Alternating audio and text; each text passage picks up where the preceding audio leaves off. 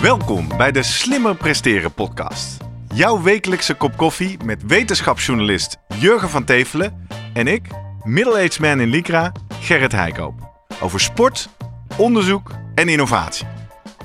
Voor mensen die hun grenzen willen verleggen, maar daarbij de grens tussen onzin en zinvol niet uit het oog willen verliezen. In deze aflevering praat ik met Jurgen over sporten in de hitte. Hoe ga je daarmee om? De Olympische Spelen in Tokio zijn een jaartje verschoven. Het geeft de deelnemende atleten en fans extra tijd om zich voor te bereiden op de extreme hitte in de zomer in Japan. Wat is de beste manier om dit te doen?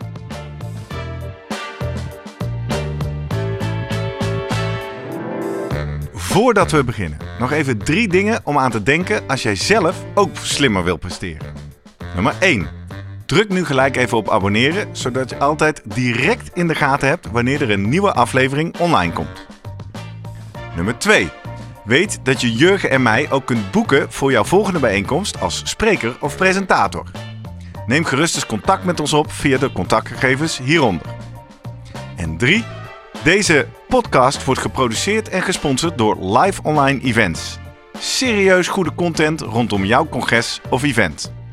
Check www.loe.tv voor meer info. Ja, Jurgen, we zijn eh, de eerste helft van de lente eh, door eh, dit jaar. Het Ja. wordt warmer en warmer. Dus moeten we ook weer rekening gaan houden met sporten in de warmte of zelfs in de hitte. Ja. Jij schreef een artikel op jouw website hierover. Eh, Wat was voor jou de aanleiding om hier eens in te duiken? Ja, dat is een beetje een, een geintje, want eh, ik was proefpersoon voor een, eh, een heus wetenschappelijk experiment vanuit Thermo Tokyo. Dat is eigenlijk een wetenschapsgroep eh, die bezig zijn sowieso om eh, de Nederlandse deelnemers voor te bereiden op, op die, eh, de hitte die komen gaat. Maar ook in dit geval om de fans voor te bereiden op de hitte. En daarvoor zochten ze proefpersonen. Oké. En daar heb ik me voor aangemeld. En ja, dat was, toen kwam ik in een, klimaatkamer terecht. En als, als fan en om te ervaren hoe het gaat worden in Tokio. En wat, wat moest je in die kamer doen? Ja, het is. eh, nou, als je het verhaal leest, dan is het een beetje ergens een afknapper misschien. Ik was fan, dus ik was eh, oranje fan. Ik was in oranje gekleed. Eh, de dag waarop ging was wel een, een druilerige, koude februari dag. Ehm, wat ik daar moest doen, ja, ze wilden eigenlijk spannende omstandigheden nabootsen. Dus ik kreeg een, met zeven anderen een voetbalwedstrijd te zien. Een spannende voetbalwedstrijd. Spanje-Nederland uit... eh, Die van 5-1? eh, ja, die van 5-1. Nou, ja. Zo spannend was hij niet. En dat hoor je dan van tevoren. Je wordt eh, beplakt met, met, met sensoren en een hartslagmeter, et cetera. En dan krijg je een kaartje, daarop staat... Ja, u gaat kijken naar eh, de voetbalwedstrijd eh, tussen Spanje en Nederland. En u bevindt zich in, eh, nou ja, in, in, eh, in Brazilië op dat moment. Ja. Ja, kijk, op dat moment weet je al... Ik dacht eerst nog 5-2, maar het bleek inderdaad 5-1. Dan zit je dus twee uur lang in een hete kamer, dat wel. Wat moet ik me voorstellen? Een soort sauna of zo? Hoe, Ja, warm was het daar? Nou, het was 33, 34 graden. Eh, luchtvochtigheid, die wilden ze echt wel eh à la Tokio, dus richting de 70, 75 procent. Eh, ja, ik vond het een subtropisch zwemparadijs eigenlijk. Alleen, ja, je had dan toch al een shirtje en een korte broek aan, want dat, dat mocht allemaal wel, zeg maar. Ja. Maar ja, kijk, eh, uiteindelijk, de, de wedstrijd was niet heel spannend, laat ik het zo zeggen. Eh, wat ik echt wel miste was de zon.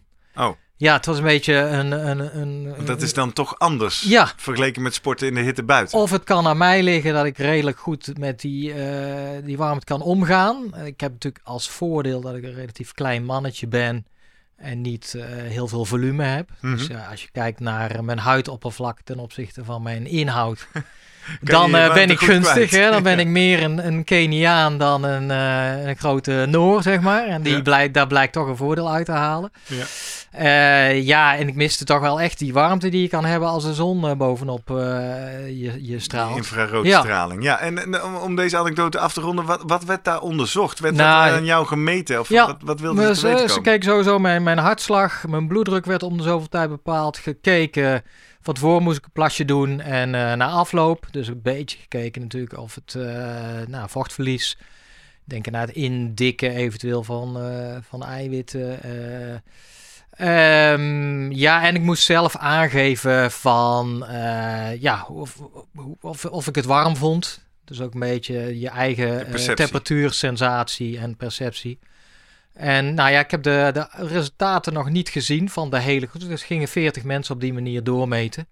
En dan komt er uiteindelijk een soort advies uit voor de fans die naar Tokio gaan. Van uh, ja, uh, let hier en hier op. En uh, dit is, nou ja, let zoveel volume water moet je drinken. Kijk, dat is ook al zoiets van maar wacht even, Jurgen. We hebben de afgelopen jaren vrij hete zomers gehad.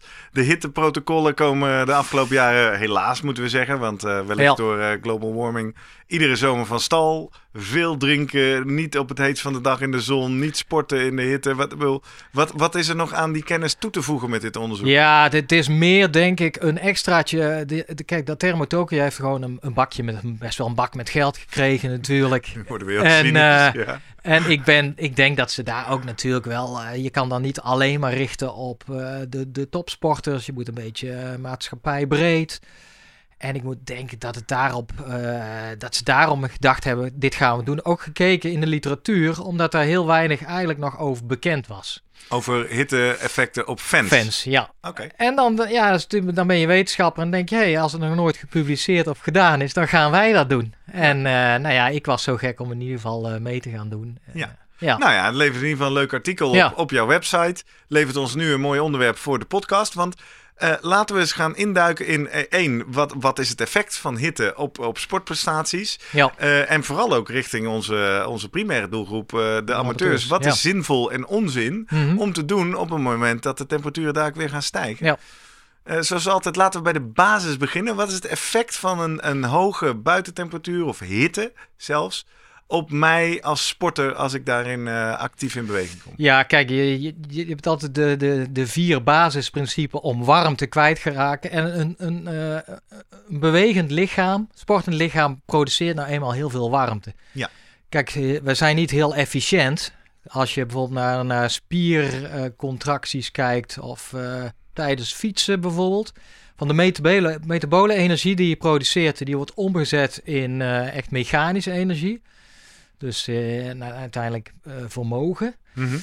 Ja, dat is die efficiency die is slechts 25%, misschien nog wel iets minder. Dus dat betekent dat 75% van de energie gaat verloren in warmte. Net zoals de klassieke gloeilampen eigenlijk, ja. hè? die meer warmte dan licht gaven. Dus, ja. En die warmte, die moeten we kwijt.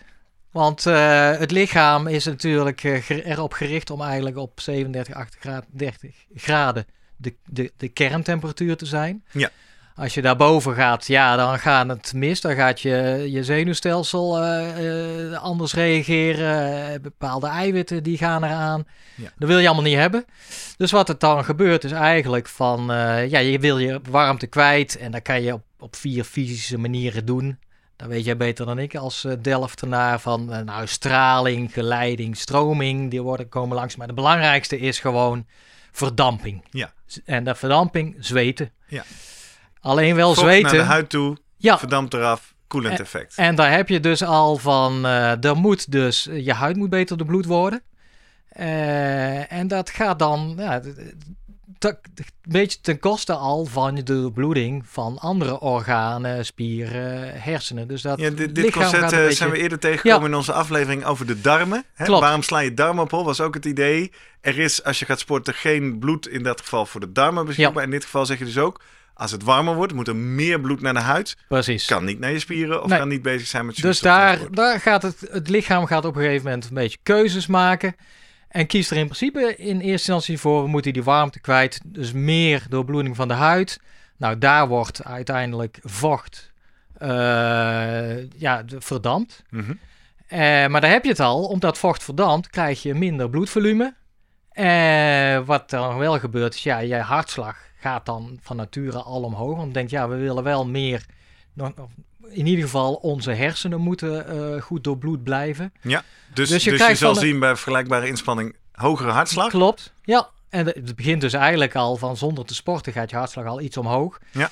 Eh, ja, je bloeddruk zal wat dalen door de afnemende volume, tenzij je natuurlijk genoeg daarbij gaat drinken. Ja. Maar en daar zit een beetje weer. Tegelijkertijd hebben we ook al een aflevering aan besteed. Daar Niet kan het ook drinken. misgaan. Dat is Ja. een soort dunne balans ook. Ja, Ja. eh, nou, op een gegeven moment krijg je daar, eh, gaat je kerntemperatuur toch iets omhoog. Nou, misschien een stapje terug. Wat je misschien kent, de- runners collapse. Ken je dat? Nee, is dat vertel, veel wat is dat? ja, hete omstandigheden. Als eh, lopers na een marathon eh, over de finish komen, dan ineens Stoppen ze natuurlijk. stoppen. Ja, op het moment dat ze stoppen, denken ze: "Hey, ik word duizelig en ik moet eh, gaan liggen of flauw. En dat wordt wel eens geassocieerd met: hey, heb je wel genoeg gedronken? Of is, is een hitteberoerte het begin al? Dat heeft puur te maken eigenlijk met je bloeddruk die een beetje gezakt is vanwege het feit dat jij minder bloedvolume hebt omdat jij bent kwijtgeraakt door het zweten. Eh, onvoldoende aangevuld en eh, deels ook dat je bij het, het rennen, het goede daarvan is dat je de spierpomp hebt in je benen die zorgt voor die veneuzen of van de terugvoer naar het hart, dat dat in orde blijft tijdens het lopen. Ja. Als jij stilstaat, dan zakt eigenlijk dat bloed gewoon weer naar beneden. En jij, eh, ja, jij voelt je flauw en jij moet even gaan liggen, liggen, benen omhoog. En dan is dat in principe in orde. Dat is een beetje een, een eerste eh, iets wat je kan hebben. Er wordt vaak ook gezegd hittekramp. Iets Mhm. meer sneller last van eh, krampen. Lange tijd ook gedacht dat dat was door tekort aan vocht en, En heeft- zout, toch? en zout. Ja. Ik denk dat we nog maar eens een aflevering En- over kramp moeten maken. Maar, en ik eh, kwam ja. het toch weer tegen. We hebben het toen ook gehad over die watervergiftiging. Het blijkt toch wat ingewikkelder te zijn. Dus waarschijnlijk dat zenuwsignalen minder optimaal eh, ja, getransporteerd of, of ja, eh, doorgegeven worden.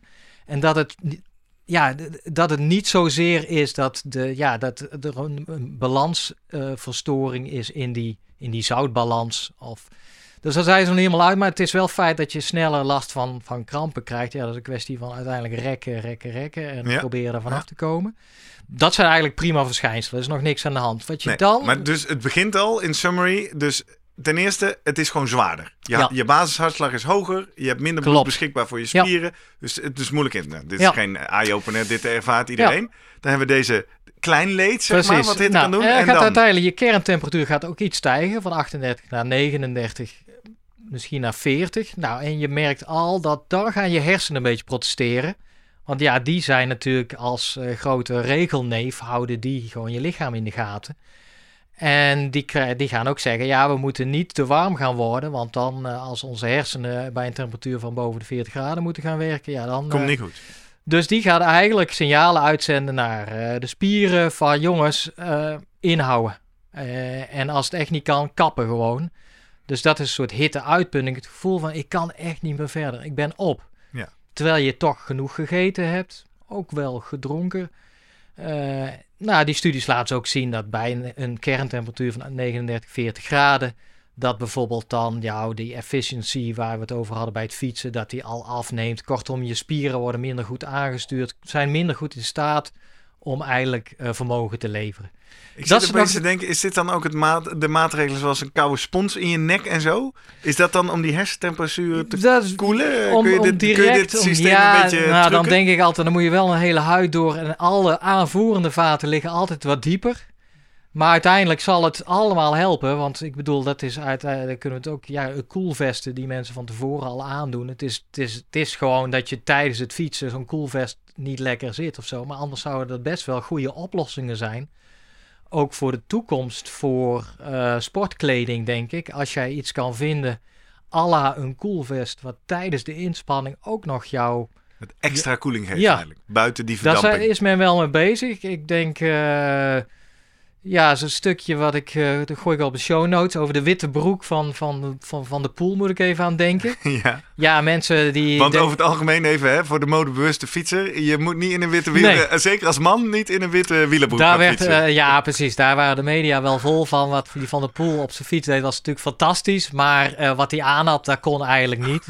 Vooral een witte broek. En eh, kijk, als, ja, die wordt op een gegeven moment krijg ja, vooral als het regent of noem maar op. ja, wordt enigszins doorzichtig. Ja, eh, terwijl ik toen eigenlijk dacht van ja, maar als je misschien bij de warmte, ja, waarom eh, zijn de huisjes in Griekenland wit bijvoorbeeld? En heb ik toen uitgezocht en daar, Ja, daar kwam ik toch eigenlijk toch. Bleek toch wel dat je heel veel kan als je zelfs met zwarte kleding is van nature inderdaad iets.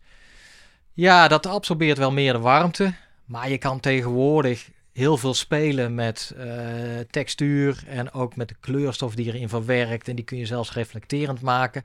Ook al zei de man van de VU, eh Hein Dame, die wel de thermofysioloog van Nederland is, die zei ja, dit is eigenlijk toch nog echt een ondergeschoven kindje bij, bij wielerploegen. Dus we zijn ermee bezig. Dat Want, je, want de effecten van, want, want we herkennen allemaal een, een, een wit oppervlak eh, Ja. straalt meer licht terug, wordt Nou, minder warm het zwart. ja. Is dat, is op zo'n wielerbroekje, is dat significant? Nou, ze- het is nooit zo gemeten bij groepen wielrenners in het wit of in het zwart. En dan bij bepaalde temperaturen en een bepaalde Ja, nepzon met- die ze dan geven, bepaalde straling. Maar wel als je zo sec genomen eh, shirtjes, witte of zwarte of donkere, onder zo'n lamp legt en dan de temperatuur daaronder gaat meten, onder dat shirt. Ja. Ja, dan is er gewoon een zwart shirt, is dat warmer dan bij een wit shirt. Ja, dus het is, eh, er is wel een... eh, En, en zoveel dat het uitmaakt. Ga Dan- in de, in de nou ja, je ga je wil- met lichte kleding sporten. Je Tip, wil eigenlijk toch tip. bij eh, ja, sporters het zo makkelijk mogelijk maken. En vooral bij extreme temperaturen waar we het over hebben. Als die dan toch al moeten zweten, liever dat ze iets minder vocht kwijtraken door het zweet. Ja. dan dat dat meer Dan moet omdat extra. ze net de verkeerde kleding hebben. Ehm, brengt, brengt mij denk ik tot het stuk van eh, waar het echt verkeerd kan gaan. Ja, Ja. je wordt dus de hitte uitputting, je, je hersenen waarschuwen je, ho, tot hier je niet kan, verder. je kan niet ja, meer verder. Maar daar blijken toch wel mensen doorheen te kunnen breken. En steeds vaker heb ik het idee, omdat eh, ja, die- jouw ervaring zal het zijn, misschien bij marathons of bij loopjes, dat ze nu van die, die lichtbaden al aan het installeren zijn. Omdat er, er zijn in het verleden wel wat mensen overleden. Ja, ik ben Door, natuurlijk al een eh, aantal door jaren ja, werkzaam bij de Dam tot Damloop. Ja. En die staat erom bekend. Eh, onder andere omdat daar heel veel recreatieve lopers aan meedoen. Die denken 10 mijl is ongeveer hetzelfde als 10 kilometer. En die gaan dus daar en te hard en weg, missen de training en ervaring. Ja. Er zijn natuurlijk de afgelopen jaren een aantal incidenten geweest. En daar was dit jaar natuurlijk eh, groots in het nieuws ook. Precies. Veel van die koelbaden bij de finish. Ja. En ik dat sta is, zelf bij de start als starter, dus ik zie ze Oké. niet. Maar eh, En dat is dus echt eh, ja, de hitteberoerte. En dan gaat het echt mis. Want wat je krijgt is die kerntemperatuur. eh, ja, die, die, die, die stijgt. Maar op dat moment gaat ook, omdat je bloedvolume zo laag is eigenlijk. Eh, gaat je lichaam besluiten, nou we moeten overleven. En dat betekent eigenlijk, we moeten voldoende doorbloeding in ieder geval van onze vitale organen hebben. Ja. Hersenen met name, mijn hart. eh, dus we knijpen nu die huid wel weer gewoon af. Laat die huid maar zitten. Ja. Daarmee ga, ga je nog slechter je warmte ja, afgeven. dan word je eigenlijk natuurlijk nog sneller, nog warmer. Dus, want je gaat je stoppen ker- met koelen. En je kerntemperatuur gaat omhoog. Daar, daar kiest het lichaam dan voor. Om in ieder geval maar wel die doorbloeding met, met zuurstof op gang te houden. Maar ja, het, het, eh, na, ja, het grote nadeel daarvan is dan, dan bereik je wel die kritische kerntemperatuur. Waar, waarboven eigenlijk eh, ja, hersenfuncties verstoord raken. Nou, je raakt verward. eh, allerlei ei- eiwitten denatureren, gaan niet meer goed werken. Enzymen werken niet meer. Ja, en dan kan het echt misgaan hè, met, met blijvende schade of zelfs nou, de dood. Hè. Dat is, Ja. en daar, daar is men toch wel van geschrokken dat dit, dit gebeurt dus vaker wat bij de, eh, de jongere groep, jonger dan wij, de, Ja. begrijp een beetje 25, 30-jarigen, die ja, behoorlijk eh, fanatiek intensief lopen dan. Eh, op afstanden à la de 10 mijl of de halve marathon. En ja, daar dan... eigenlijk net lang zijn. Ja, Daar zou je eigenlijk meer moeten temporiseren. Mhm. En daar dus behoorlijk hard lopen. Veel, nou ja, waar wat, veel warmte creëren. En dan misschien net niet genoeg, ge- ja, of, of te warm gekleed. Kan ook nog net te weinig drinken. En dus eigenlijk hun eigen hersenen eh, weten te overroelen. Dus echt zo diep durven of kunnen gaan. Dat ze daarmee hun, eh, ja, eh, eigenlijk hun kerntemperatuur te hoog laten komen. Ja, en dan is het, dan is het ja, zaak zo snel mogelijk afkoelen. En gooi een artikel op de show notes. Die hebben eigenlijk alle maatregelen die ooit die je kan nemen. Tot aan, aan nou, cold packs, tot aan handdoeken, tot aan sponsen. Ja, dan springt daar gewoon uit. De snelste manier om dat te doen is inderdaad gewoon in een bad. Met, met heel koud water. En ja, wat je wel moet doen is natuurlijk goed in de... Ja, je moet kerntemperatuur moet je echt weten. Hè? Dat het Ja. niet iets anders is. En dan gewoon goed kijken van hoe snel dan je eigenlijk die kerntemperatuur toch weer omlaag gaat naar richting, nou in ieder geval onder de 40, 39 graden. Ja, en dan, eh, en, en dat is een goede maatregel geweest. Er is, er is wel voor gestreden, echt begrijp ik. Dat eh, vanuit verontruste vaders, eh, een verontruste vader heeft dat aan de kaart gesteld. Van, Nou ja, het doet mij denken aan een... Waar heb ik dat nou gezien? Ik zal het even terugzoeken en ook in de show notes Ja. zetten. Ik maak een aantekening. Filmpje van inderdaad, nou, een kerel in de doelgroep die jij beschrijft. Inderdaad, Mhm. begin dertiger geloof ik. Op een triathlon. Een- wat was het? Volgens mij sprintafstand. Helemaal niet zo lang. Oftewel Ja. 57 zwemmen, 20 fietsen, eh 5 kilometer lopen. Of heel misschien een OD, het dubbele. Ja. Ehm, 21 graden, bewolkt. Helemaal ja. niet gek. Maar inderdaad, eh, zichzelf eh, genegeerd. En ik denk dat het een fragment is van een Zembla of zo. oké. en dat hij ook zegt, er zijn beelden van hem over de finishlijn. Hij loopt een paar rondjes. Hij zegt hier, kijk, rondje twee. Dan loopt hij dus al scheef te trekken. Hij loopt al niet meer normaal.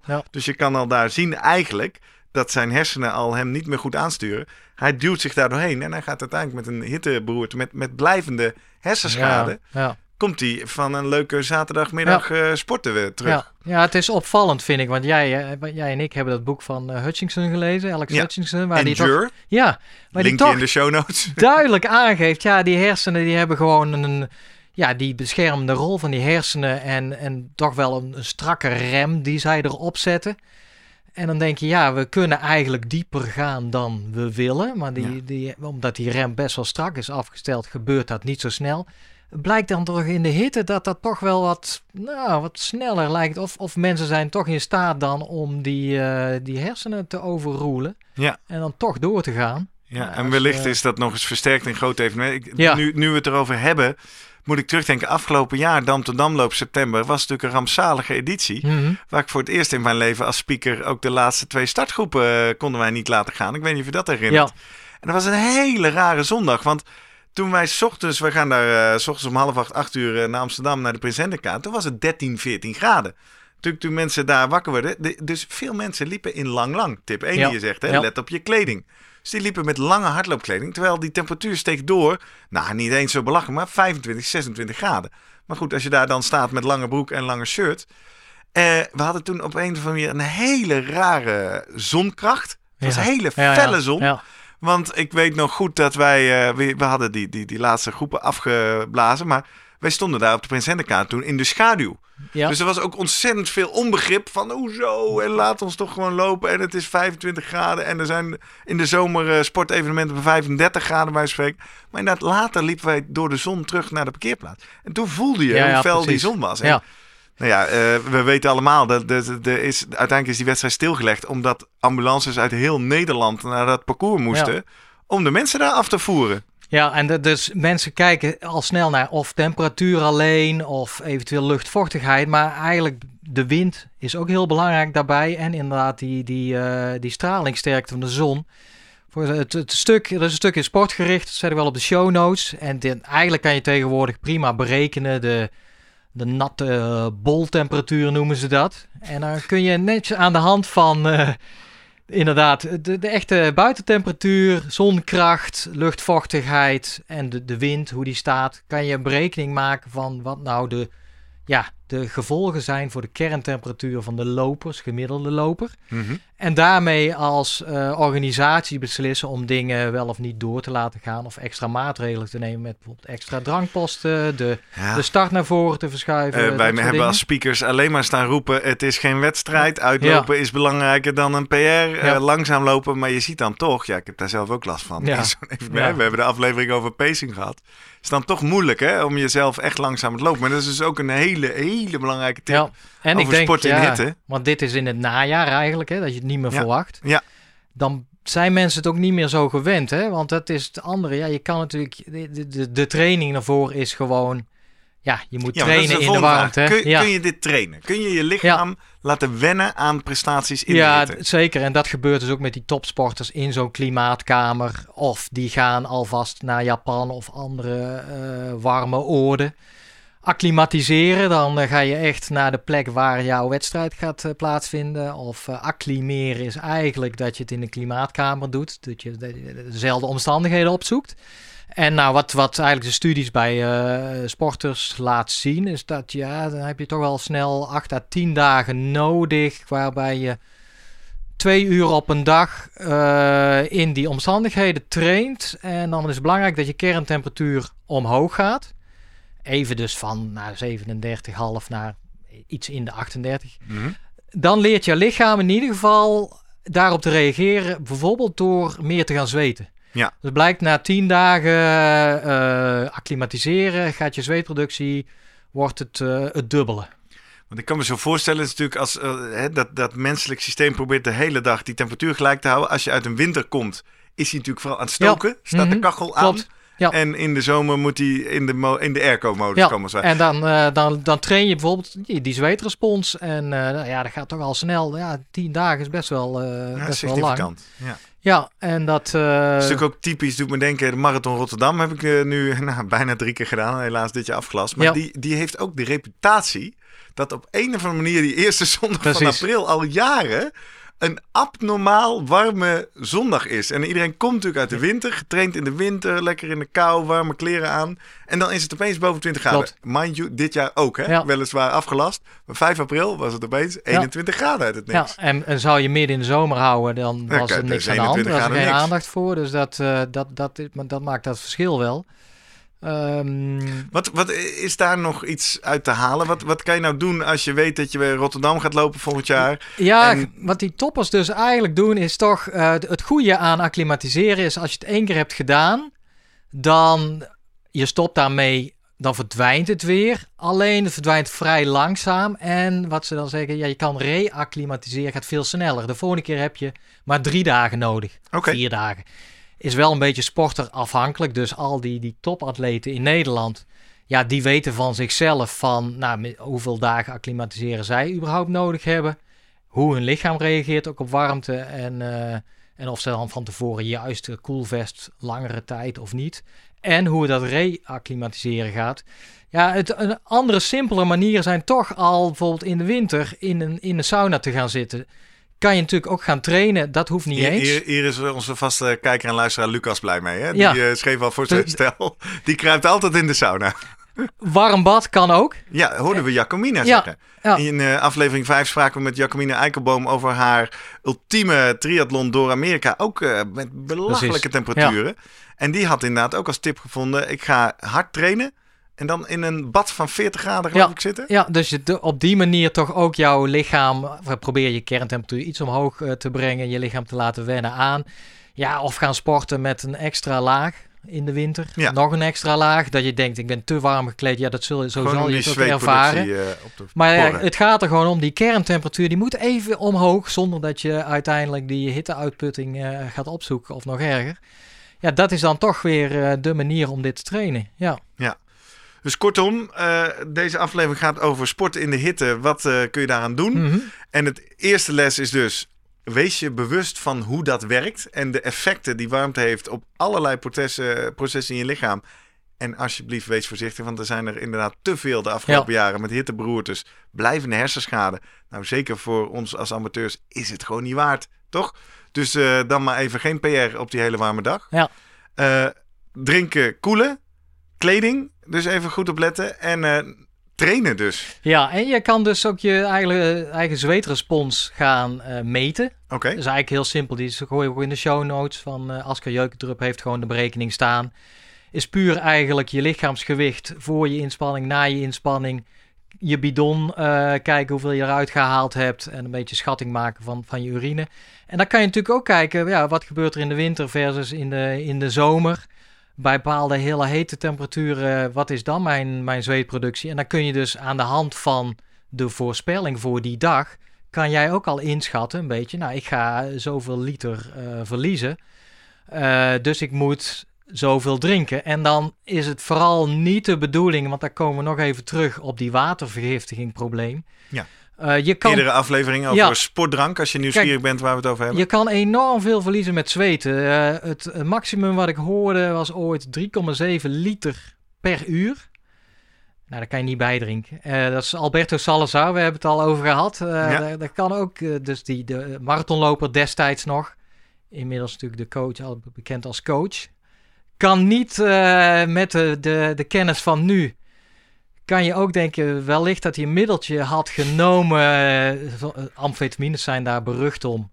Waardoor je eigenlijk dat setpoint uh, een beetje omhoog kan gooien, waar, waarop je hersenen gaan protesteren bij okay, uh, Dus dan kun je wederom je lichaamssystemen foppen. Ja, en, en dan kan je echt door die, uh, die grens doorbreken door toch dieper te gaan. Maar 3,7 liter, ja, dat is heel veel. Er wordt altijd nog, dat, dat was onze uitzending in de sportdrankjes, je komt het nog steeds tegen niet meer dan 2% van je lichaamsgewicht verliezen. Nou, ik blijf erbij en met mij heel veel wetenschappers, 2% is helemaal niet erg 5% is misschien iets meer om je zorgen over te maken. Dus dat bedoel je, als je die berekening doet die je net beschrijft en je komt terug en je meet ja. het aantal kilo's wat je kwijt bent. Precies, 5% van je lichaamsgewicht. Ja. Oké, dan moet je even gaan nadenken hoeveel... Dan uh, moet je eigenlijk meer gaan drinken, dat is het signaal ja. dan. Maar dan is altijd weer een, op, iets wat ik lees van hoe lichter de atleet, hoe, uh, hoe harder die kan. Hè? En dat zie je bij die toppers ook. Blijkt dat uh, Gebre Selassie die was ooit 10% van zijn lichaamsgewicht verloren in een uh, marathon in Dubai. Mhm. Die liep gewoon in 2 uur 5. Daarmee maar aangeven, ook ja, zijn lichaam kon daar prima mee omgaan. Uh, dus ook weer tegenover van, ja jongens, uh, je hoeft echt niet op lichaamsgewicht te blijven. En dat zie je ook nog nou, in die mensen met die, die watervergiftiging terug. Ja, dat is dan eigenlijk een, uh, een probleem van, van het, we hebben het eerder al over gehad, het, het, natriumgehalte. Het natrium wordt eigenlijk verdund in je bloed. En dat deels omdat je te veel drinkt, mm -hmm. uh, te, relatief te veel drinkt ten opzichte van je zoutinname. en dat eigenlijk je, je zout op, wordt ook opgeslagen in, in botten en huid en wordt daar niet vrijgemaakt. Dus er is wel meer aan de hand dan dat. Maar bij dat soort mensen zie je toch vaak terug dat die eigenlijk overmatig veel gedronken hebben. Uh, kun je zeggen, ja, dan moet je gewoon zout nemen. Dat wordt dan eigenlijk ook weer afgeraden, omdat je met meer zout ga je, wil je ook weer meer drinken. Ja. Uh, en de studies ook laten zien dat ze bij uh, lopers achteraf gevraagd hebben: heb je wel of niet zout genomen? En dan echt grote groepen aan een ultramarathon. En dan gekeken van, nou, wat had dat voor invloed op jouw vochtverlies, op jouw natriumgehalte in het bloed, wat dus belangrijk is dat het constant blijft, op jouw prestatie. En dan kwam eigenlijk naar voren dat dat niks uitmaakt of je wel of niet zout innam. Dus het, Mits je niet te veel drinkt. Ja, toch? Precies. Die, die verhouding ja, moet goed blijven. Omdat er gewoon meer aan de hand is dan. Dat is gewoon het, het ja, jouw natriumbalans is toch verstoord. Er zijn wat uh, hormonen die normaal daarbij betrokken zijn, die werken ook niet meer goed. En nogmaals, ja, je, hebt, je hebt zout opgeslagen in, uh, op plekken in je lichaam waar het niet vrij wil komen. Ja, dat is meer het, het uh, gevolg van gewoon de langdurige inspanning.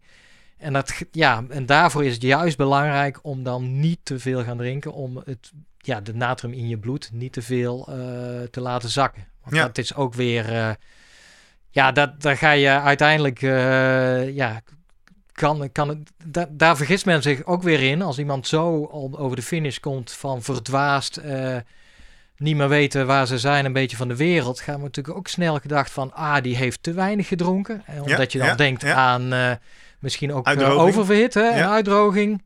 Nou, als je dan niet die kerntemperatuur gaat meten, uh, of de natrium gaat meten, maar gewoon gaat vullen, Ja. ja. dan kan dat met in het tweede geval juist averechts werken. Want die mensen die hebben al eigenlijk te veel vocht ten opzichte van hun natrium. Stop je nog meer vocht in, ja, dan uh, kunnen ze in coma raken en dan uh, ja, met dodelijke afloop.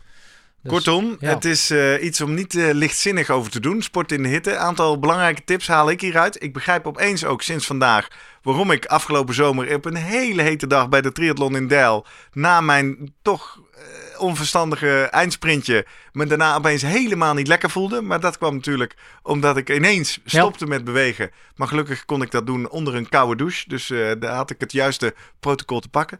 Dankjewel voor deze concrete tips. En dankjewel dat jij deze aflevering helemaal tot het einde uitkijkt of luistert. En dat maakt dat we dan natuurlijk altijd benieuwd zijn om jouw ervaringen te horen. En je kan met ons meepraten op twee manieren, of op drie manieren zelfs. Via social media, slimmerpodcast op Instagram en Twitter. Reageer onder de post over deze aflevering. Of kijk op onze website www.slimmerpodcast.nl en uh, zoek daar de, de pagina van deze aflevering. Daar kun je reacties achterlaten. En hoe meer mensen dat doen, hoe gezelliger uh, het wordt online. Eh, of ten derde, als je zegt ik hou niet van eh, al dat publieke gedoe, je kan ons ook gewoon een mailtje sturen. Doe dat naar postapenstaatje slimmerpodcast.nl. Want wij zijn altijd benieuwd om jouw aanvullingen, jouw ervaringen, jouw vragen naar aanleiding van onze afleveringen te horen. Tot slot, mocht jij iemand kennen die ook van plan is om te gaan sporten in de hitte, of die daar in het verleden wel eens issues mee heeft gehad, zorg dan even dat je de link naar deze aflevering nu meteen naar ze doorstuurt. Doe het via WhatsApp, in je trainingsmaatjesgroepjes, via e-mail, social media, alles wat je tot je beschikking hebt, zodat meer mensen, net als jij, slimmer kunnen gaan presteren. Dankjewel Jurgen. Graag gedaan.